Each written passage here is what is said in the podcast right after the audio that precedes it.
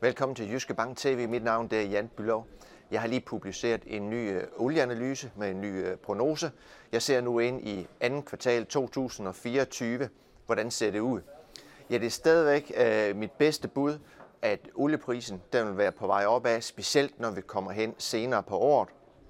Og så fortsætter vi højere ind i 2024, så anden kvartal, der ligger prognosen på 100 dollar for en tønde brint olie. Hvorfor det?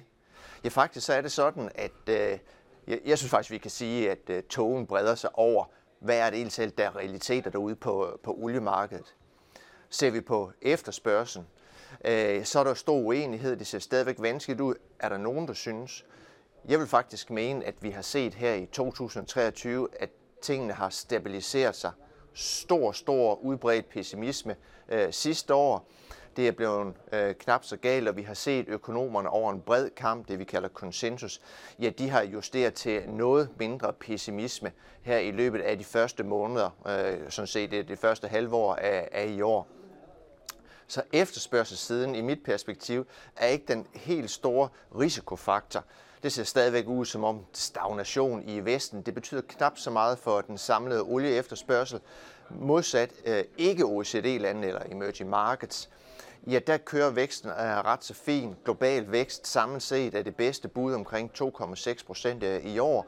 Og det får samlet set efterspørgselen efter olie til øh, at sætte nye rekorder her i år, og det vil der også komme nye rekord i, i næste år. Så hvorfor er olieprisen så, så lav, som den er? Så der må også være andre ting, der spiller sig ind end bare efterspørgselsbekymring. Øh, hvis vi ser på udbudssiden, ja, så er der jo selvfølgelig den her øh, Ruslands-situation. Der kommer ikke nogen officielle tal fra øh, Rusland mere. Det har de lukket ned. Det er jo selvfølgelig, ja, skal vi sige, på grund af krigssituationen, at de ikke vil øh, fortælle noget.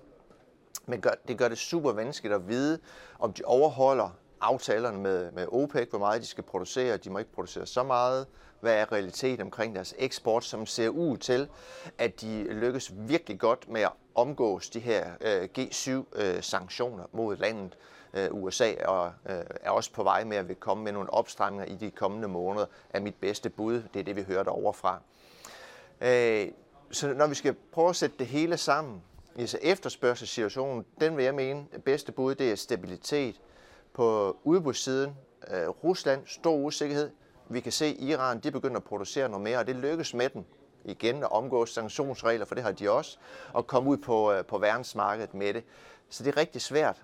En anden interessant ting, der vi kan se, at spekulanterne, der sælger øh, oliefutures short, altså dem, der tror på, at prisen skal falde, ja, de har sådan set ikke haft en større markedsrisiko siden 2016. Altså, de tager store bets på, at olieprisen vil blive ved med at falde. Så, så der, er, altså, der er tog over det alt ude. Det er super svært at vide, hvad er realiteter, og hvad kan vi tillade os at tro på med, med en rimelig sikkerhed.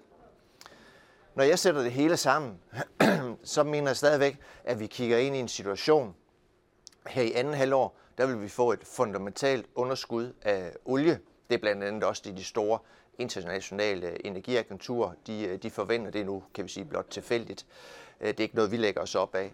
Men det forventer de også. Så, så ligesom det, det bedste bud fundamentalt underskud, så kommer der træk på olielagerne, og det vil presse prisen opad. Men spekulanterne, de er mega short lige nu, så der er noget, der ikke passer sammen derude, som gør tingene er virkelig usikre netop nu. Men mit, igen, mit bedste bud, højere priser, når vi kigger fremad. Det betyder også, at dieselprisen lige nu, den er lav. Tak fordi du så med. Ha' en god dag.